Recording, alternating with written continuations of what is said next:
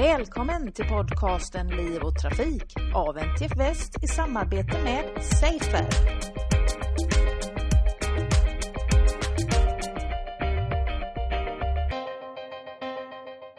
Idag så träffar Liv och Trafik Anna Nilsson Ele som är föreståndare på forskningscentret Safer och du har varit med sedan starten när Safer skapades för nio år sedan. Och eh, det är Chalmers som är värd för Safer som består av 30 parter från industri, akademi och samhället. Välkommen till programmet Anna. Tackar. Min första fråga till dig idag är eh, kanske en självklar fråga men, eh, men jag tycker ändå det är värt att ställa den. Varför är det viktigt med forskning om trafiksäkerhet? Ja, trafiksäkerhet är ett stort samhällsproblem. Det är faktiskt på global basis en av de tio största folkhälsoepidemierna kan man säga med ungefär 1,3 miljoner dödade per år. Och när man tittar sen på antalet skadade så pratar man om 20, 50, kanske upp till 80 miljoner trafikskador per år. Så det finns mycket att göra.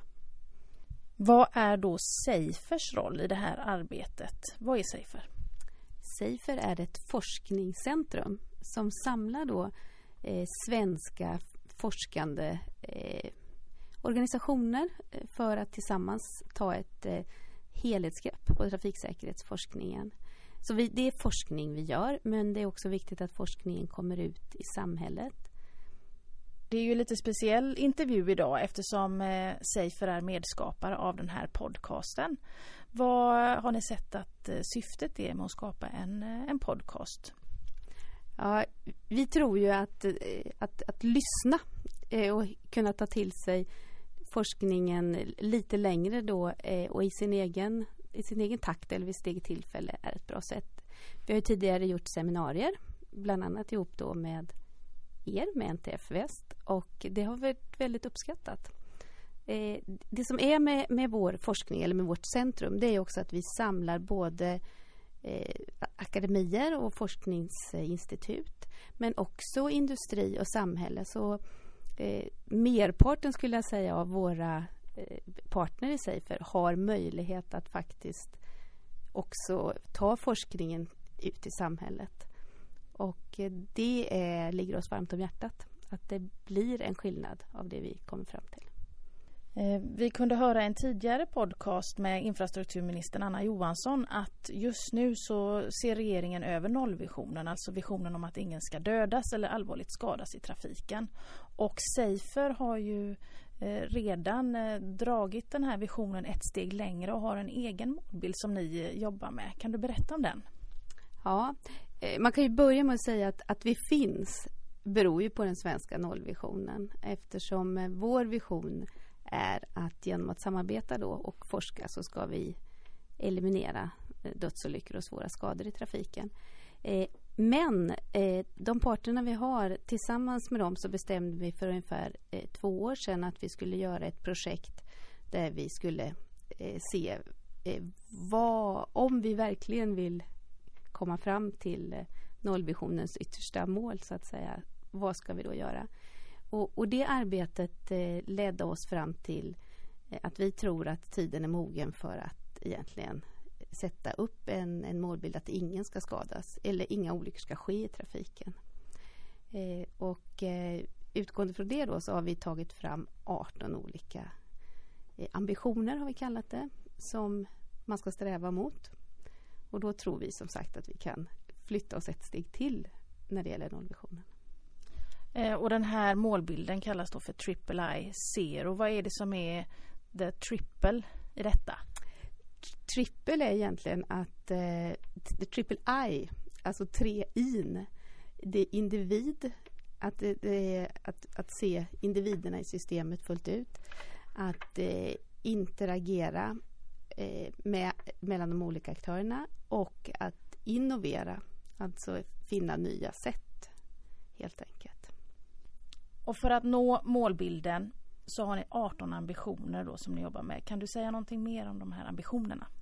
Ja, de ambitionerna eh, de rör sig egentligen om de, de, trafiksystemets delar kan man säga. Alltså trafikanten, fordonet, eh, eh, trafikmiljön och eh, trafiksystemet. Då. Så vi har grupperat dem i fyra delar. Eh, och eh, där ryms ju då det som är våra, om jag ska kalla det för traditionella forskningsområden.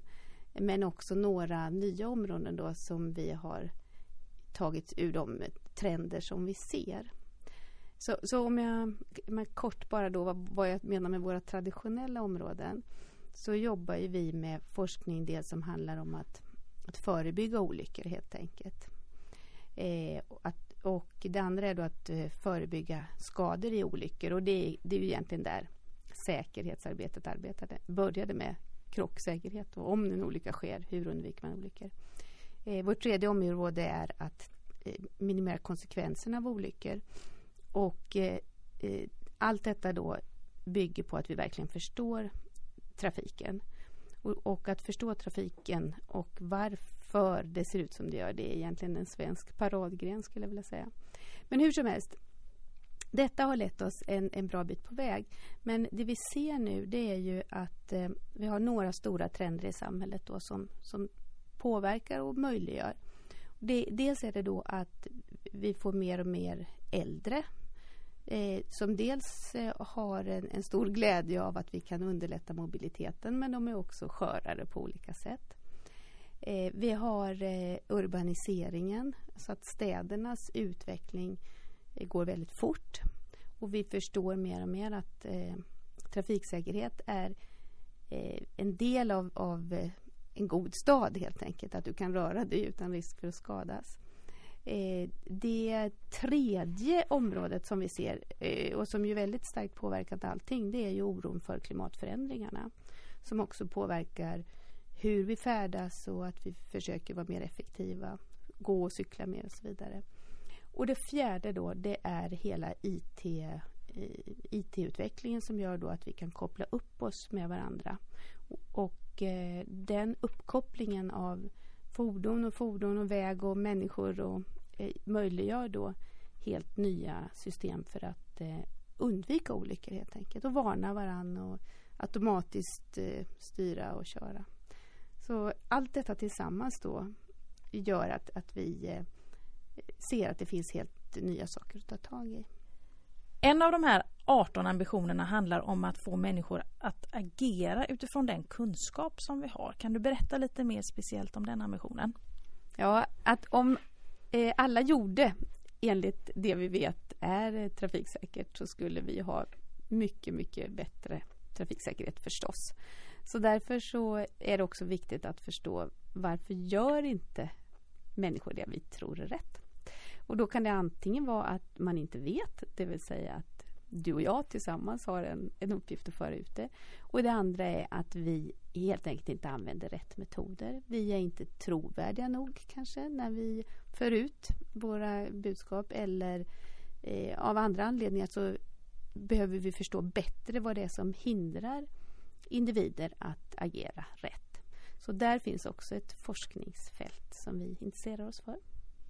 Och den här svårigheten har ju trafiksäkerhetsforskningen gemensam eh, med andra eh, ämnesområden också. Jag tänker på klimatet till exempel där det också är vanligt att man, man handlar lite grann mot bättre vetande. Finns det någon parallell man kan dra här? Ja, det tror jag absolut att det gör. Eh, så att jag, jag, tror att vi kan lära oss av varandra och i, ibland kan det ju vara så att det faktiskt sammanfaller också.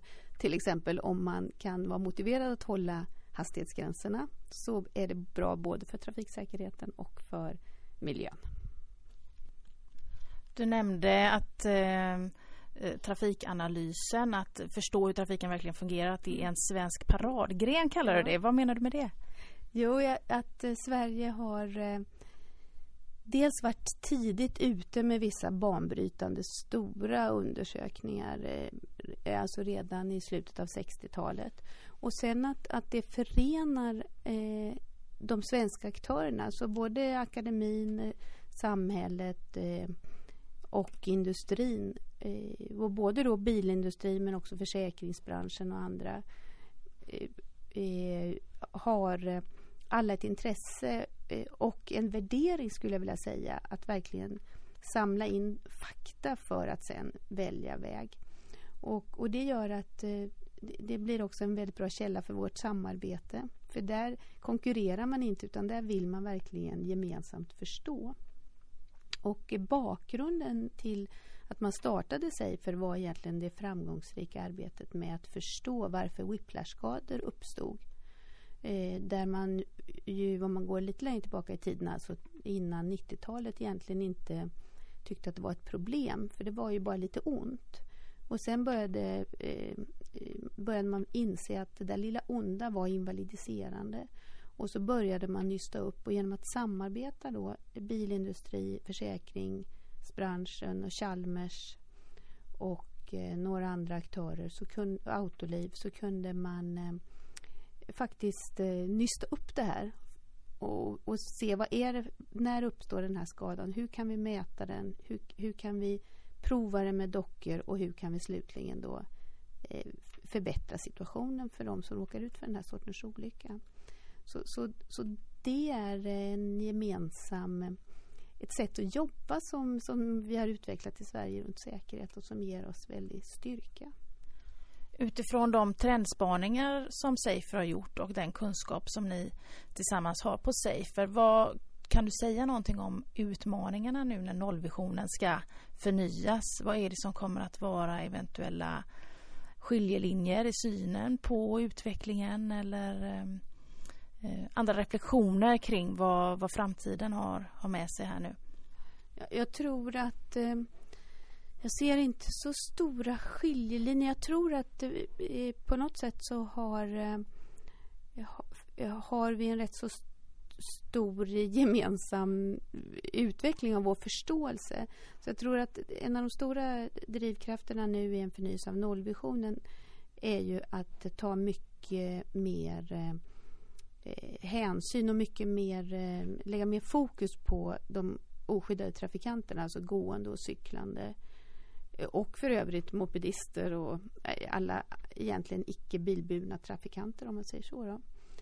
Eh, och, och det drivs ju som sagt av att vi eh, de här trenderna jag pratade om men också faktiskt att vi har bättre mätmetoder så att det har blivit uppenbarare för oss hur, hur de här trafikanternas situation ser ut.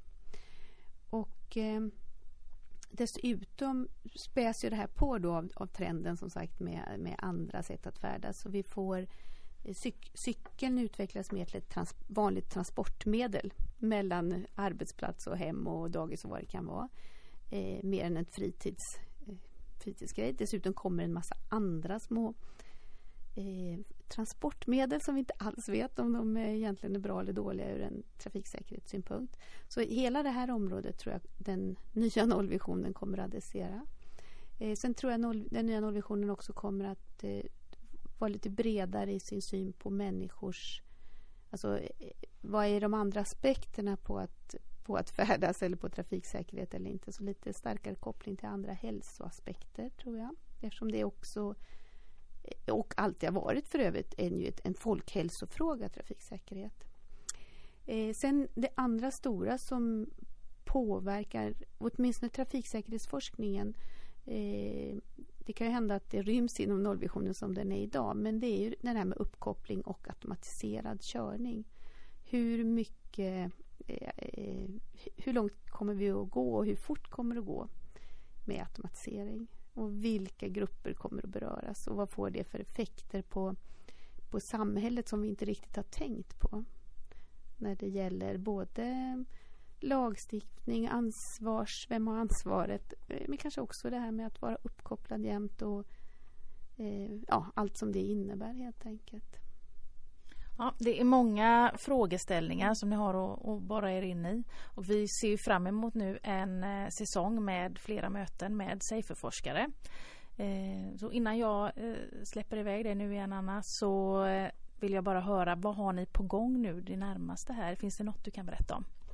Ja, alltså det, det vi nu håller på att förbereda väldigt mycket är att vi tänker oss att hit till Göteborg i början av juni så ska alla världens eh, fordonssäkerhetsforskare eh, komma. För då är vi värd tillsammans med Trafikverket för den stora internationella konferensen som heter ESV.